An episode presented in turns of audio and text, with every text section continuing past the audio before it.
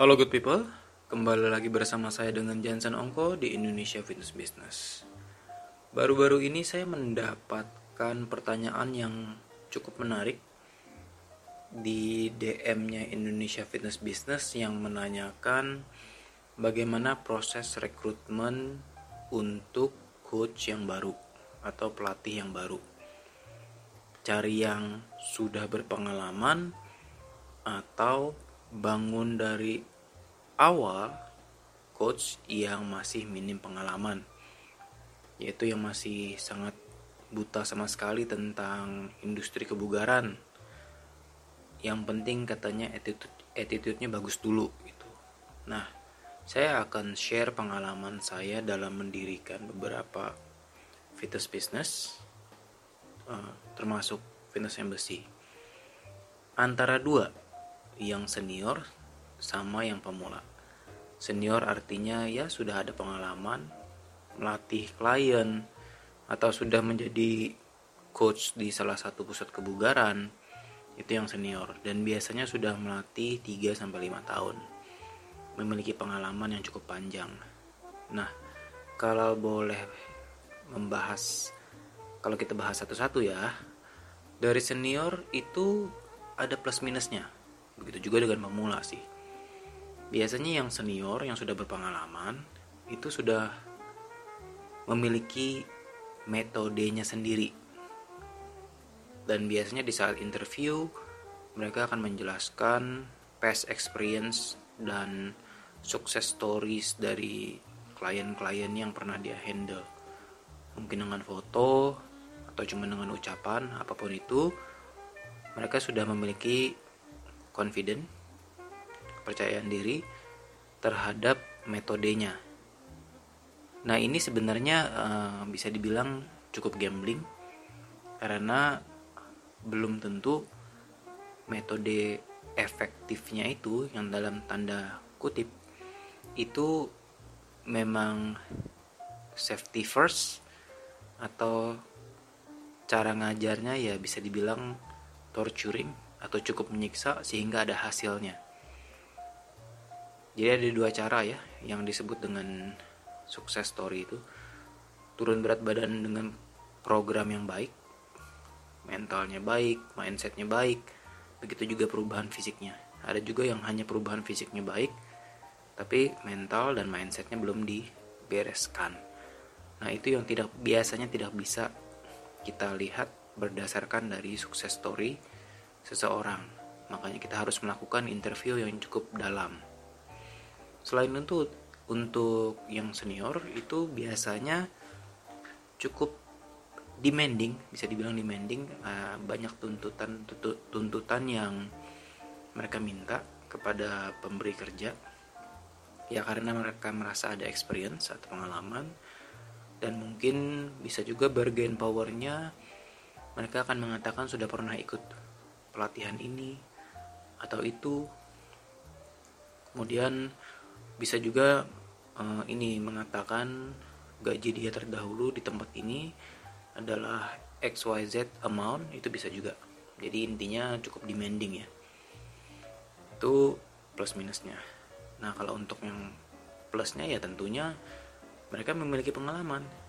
Selain pengalaman mereka juga sudah ada loyal client sudah ada member-member yang setia yang suka dengan metode latihannya baik itu benar ataupun kurang benar tapi intinya mereka biasanya sudah punya loyal klien dan secara koneksi ya karena sudah malang melintang di industri kebugaran tentunya lebih luas dan cukup dikenal di kalangannya ya.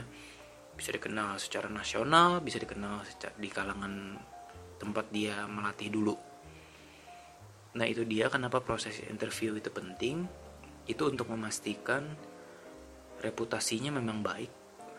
Jadi jangan langsung 100% percaya juga dengan apa yang dikatakan oleh uh, pelatih senior tersebut di saat proses rekrutmen. Intinya sih kita sebagai penyedia kerja adalah jangan mencari perfect person karena sudah pasti ada kekurangan dan kelebihannya. Kalau kita mencari kekurangan dari senior ini sudah pasti ada. Mungkin agak agak ego atau mungkin merasa metodenya paling benar kurang bisa masuk dengan sistem yang ingin kita bangun itu bisa terjadi. Nah kalau saran saya sih dalam merekrut senior itu sendiri kita harus mencari kompromis titik kompromis titik kompromi yang di mana kedua pihak setuju atau paham lah sama-sama paham. Tidak ada yang uh, merasa dirugikan dari awal. Jadi bukan menyimpan ini ya menyimpan suatu hal yang mengganjal di hati tapi utarakan aja. Misalnya kalau misalnya kamu kurang suka dengan attitude salah satu attitude-nya dia tinggal bilang nanti kalau sudah bekerja dengan saya sifat yang ini coba untuk agak dikurangi. Itu contohnya. Itu di mana kita menemukan titik kompromi.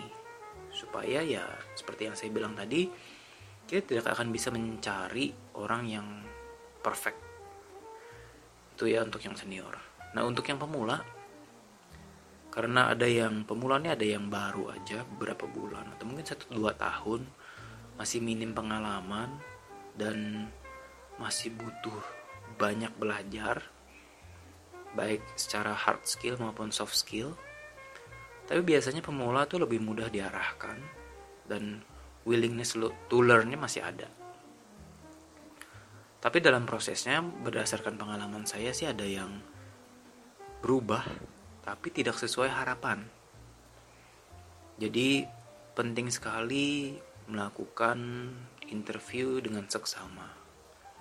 Selain itu karena dia minim pengalaman, proses dan baik biaya dan waktunya pun dalam mengedukasi klien eh bukan klien pelatih yang pemula itu dapat memakan waktu yang panjang dan relatif mahal jadinya kuncinya sih kalau misalnya gym kita sudah punya sistem edukasi yang baik baik itu untuk soft skill dan hard skill itu tidak masalah kalau kita mau rekrut yang pemula ya.